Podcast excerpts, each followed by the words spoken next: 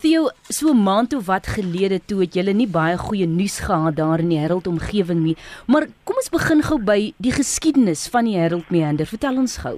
Ja, Herald Meander is 'n maatskappy wat ons gevestig het uh, wat uh, kyk na die ontwikkeling van Herald. Nou Herald is net noord van die Outeniqua berge geleë. Dit is langs die Outeniqua op die langs die Montetjie pas.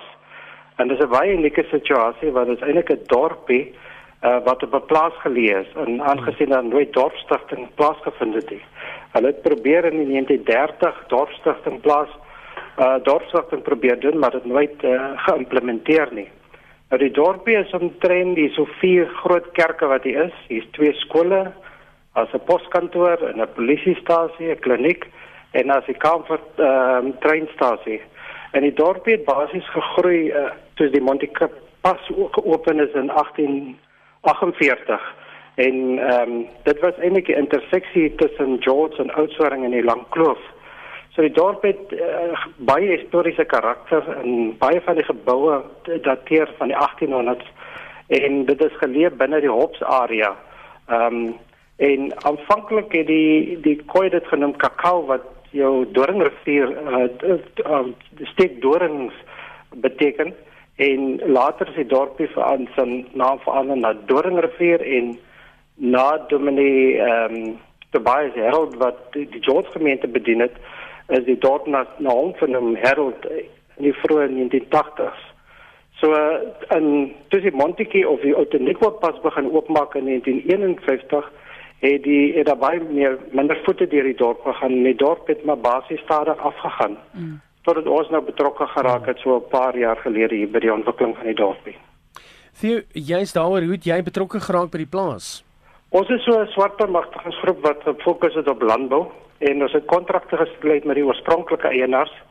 Die die aanvanklike eienaars wat was die die man is oorlede in die vroeg 2000 en die die weduwee het toe getrek na Mosselbaai en haar kinders het geëmigreer Amerika en Ierland toe.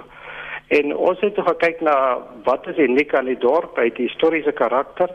En ons het gesê kom ons probeer bevorder die landbou wat daar is en prosesering uh van die dominante produkte en dan ook op agritourisme.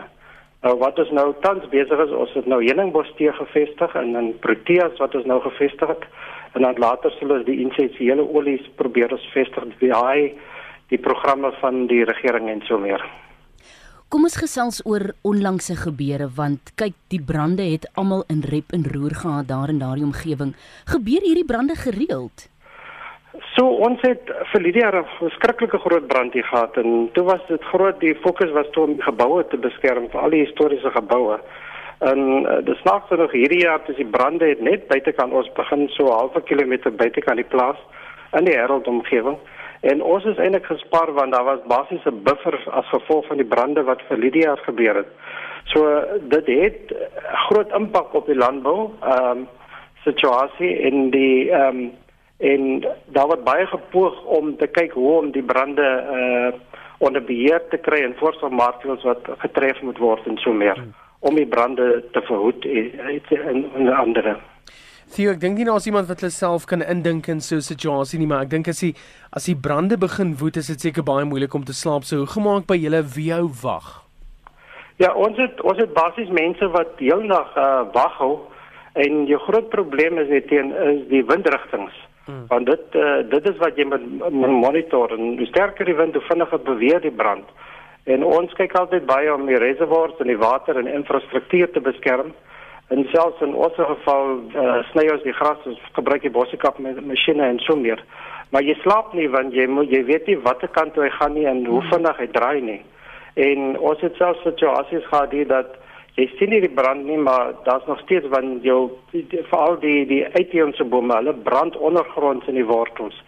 So dit is maar situasies wat jy maar altyd paraat moet wees vir enige on onverwagte hier weer en so meer. So Jy het nou genoem daarvan voorsorgmaatreëls. Wat is van daardie voorsorgmaatreëls wat getref moet word? Kyk, so die die die eerste verantwoordelikheid van elke eienaar in plaas is om uitheemse bome te verwyder, want dit is amper soos olie op 'n vuur. En dan wat ons ook moet doen, ons veronderstel om brandbane te te sny en brandbane te onderhou. Nou uh, vir Lydia se brande met die sterk winde het, het dit eintlik nie baie uh, impak gehad nie want die die vuur het dwars oor gegaan. Maar in terme van die omgewingswetgewing moet ons altyd uithoomse bome met ons laag geraak word. Daar sekere planne wat jy moet indien by die owerhede.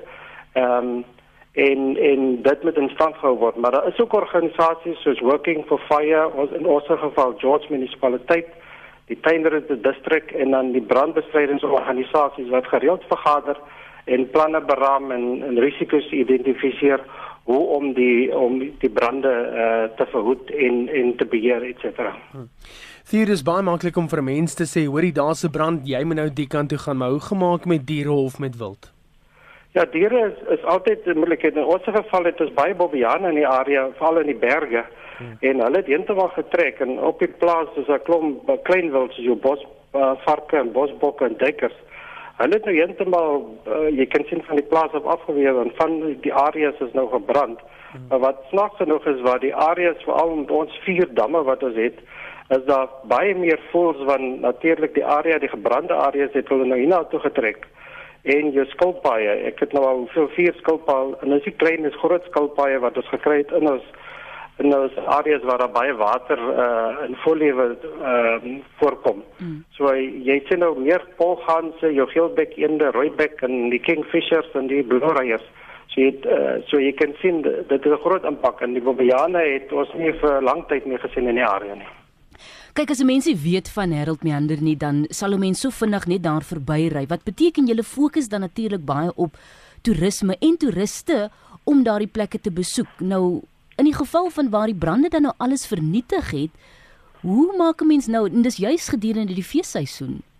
Ja, so die Harold het nog steeds sy attraksies. So jy het nog steeds jou vier passe, jou Kradderpas wat daar is, jy het jou spoorwegpas, jy het jou Montetjie pas jou paardepoortpas wat deur Thomas Bain en jou Uteniqua pas. So daai is nog steeds daar. En jy kry ook nou baie meer mense wat graag kom kyk na die impak van hier. So ons noem dit die brandtoerisme. Maar dan ook op wêreld wat ons kyk is, is om spin en weef te, uh, weer aan die leef te kry. Ons is besig om met 'n pottery te vestig en wat dis waar ehm um, Tuinroete District Force baie help. Ons het uh, programme soos om boel ehm um, van George en Neil Dickwitz van van die Khoi gemeenskap wat hulle healing programme aanbied en etes en dan is daar spesifieke toerisme uh, pakkette en so meer wat ons besig is om nou by mekaar te sit en om om mense om die attraksies te vestig hierso en vir mense experience aan te bied. Theo almal se fokus is altyd op die brande self, maar min word gedink aan die herstelproses vir julle. Vertel ons daarvan. Ja, ek het ons het verlede jaar het ons twee persone wat wat eh, doodgebrand het in hulle huis en ons werk maar met uh, met die munisipaliteite, met die die die kerke hierso, so die VGK en die NG Kerk wat wat vir ons help en en kyk om hoe ons die mense se omstandighede kan verbeter. Uh maar die brande het ook uh, voordele. Daar's baie uh in die berge daar lanklaas brande plaasgevind en baie mense argumenteer die brand is die beste wat kan gebeur het met die fynbos. So jy kry nou nuwe plante groei. Vir ons brand wat ons vir Lydia en ons vind dit veral aan die syde hange, sien jy 'n spelde kussings en proteas wat jy nog nooit daar gesien het nie. Hmm. Maar die nadeel ook van die dam van die van die brand is dat die damme word uh, toegesluk en ons filters het probleme. Maar jou ander probleem is ook so na brand jou aliens kom baie vinniger uit. So En dis waar ons die toediening van die herbicides en so aan die aliens die beheer te hou. Ehm um, so maar op die oomblik het ons het ons gister groot reën gehad, so die riviere loop weer lekker en die damme raak vol. So so mens moet maar fokus op die positiewe wat wat daar is en so. Ja, ja. Fiona gou net ter afsluiting, laat weet ons gou hoeveel inwoners is daar op Harold en hoe is hulle gemoed nou? Ja, die Harold is 'n baie uh, close familie.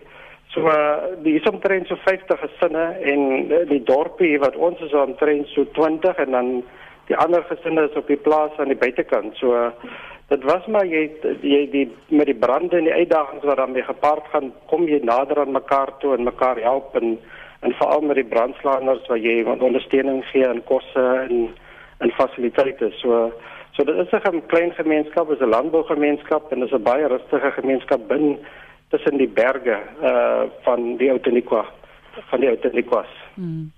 Wel sterkte daar, Theo. Ons dink aan julle en dis nooit lekker om hierdie stories in die nuus te hoor nie, maar bly om te hoor dat daar daarom veilig uit uh, onder julle is en dat die mense so helpende hand uitreik.